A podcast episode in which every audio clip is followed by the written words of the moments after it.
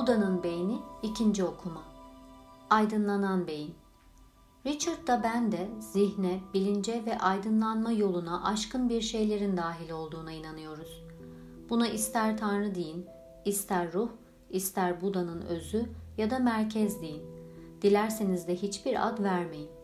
Her ne olursa olsun doğası gereği fiziksel evrenin ötesindedir. Olup olmadığı kanıtlanamadığı için buna bir olasılık olarak saygı göstermek önemlidir ve bilimin ruhuyla da tutarlılık teşkil eder. Bununla beraber gittikçe daha fazla çalışma zihnin beyne nedenli bağlı olduğunu göstermektedir. Örneğin beyin çocuklukta geliştiği için zihin de öyledir. Beyin herhangi bir hasar görürse zihin de görür.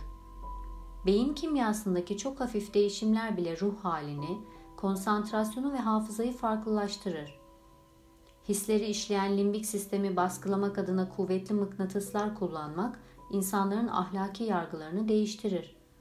Bazı spiritüel deneyimler bile sinirsel aktivitelerle ilişkilendirilir. Zihnin aşkın olmayan herhangi bir yanı beynin fiziksel süreçlerine dayanmak zorundadır. İster bilinçli ister bilinçsiz olsun, herhangi bir zihinsel aktivite sinirsel aktiviteye işaret eder. Tıpkı bilgisayar ekranındaki bir gün batımı resminin sabit diskinizdeki manyetik enerji şablonuna işaret etmesi gibi. Olası aşkın faktörlerden ayrı olarak beyin, zihin için gerekli ve proksimal olarak elverişli bir durumdur. Proksimal açıdan elverişli olmasının tek sebebi beynin daha geniş bir biyolojik ve kültürel sebepler ve şartlar ağında yer alması ve bizzat zihinden etkilenmesidir.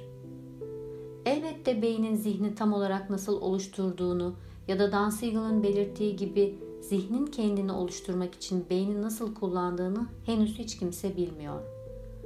Zaman zaman hala aydınlanmayan en büyük bilimsel soruların şunlar olduğu söylenir. Büyük patlamaya ne sebep oldu? Kuantum mekaniği ve genel göreliliği birleştiren büyük birleşik teori nedir? Özellikle de bilinçli yaşantı bağlamında beyin ve zihin arasındaki ilişki nedir? Bu sonuncu soru da yanıtlanması zor ve bir o kadar önemli olduğundan diğer ikisinin yanında yer alır. Bir benzetme yapmak adına şunu söyleyebiliriz. Kopernik'ten sonra eğitimli insanların çoğu dünyanın güneş etrafında döndüğünü kabul etmiştir. Ancak kimse bunun tam olarak nasıl gerçekleştiğini anlamamıştır.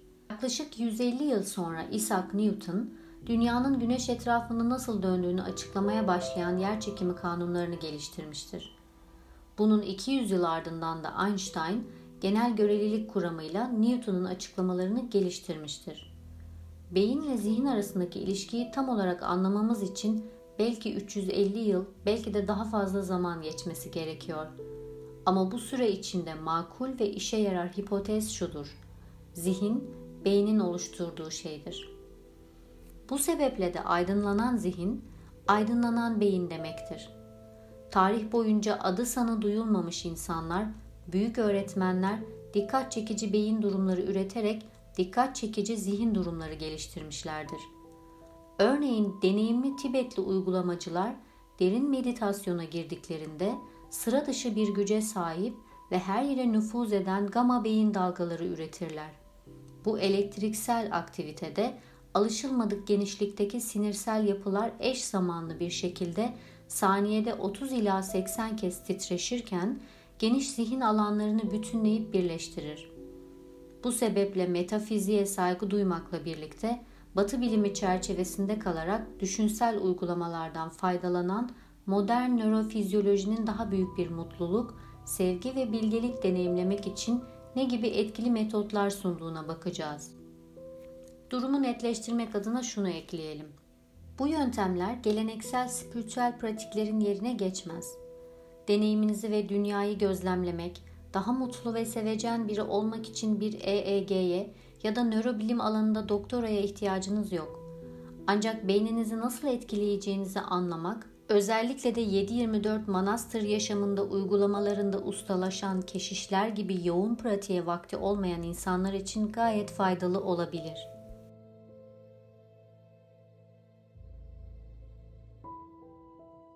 Sayfa 22 ile 24 arası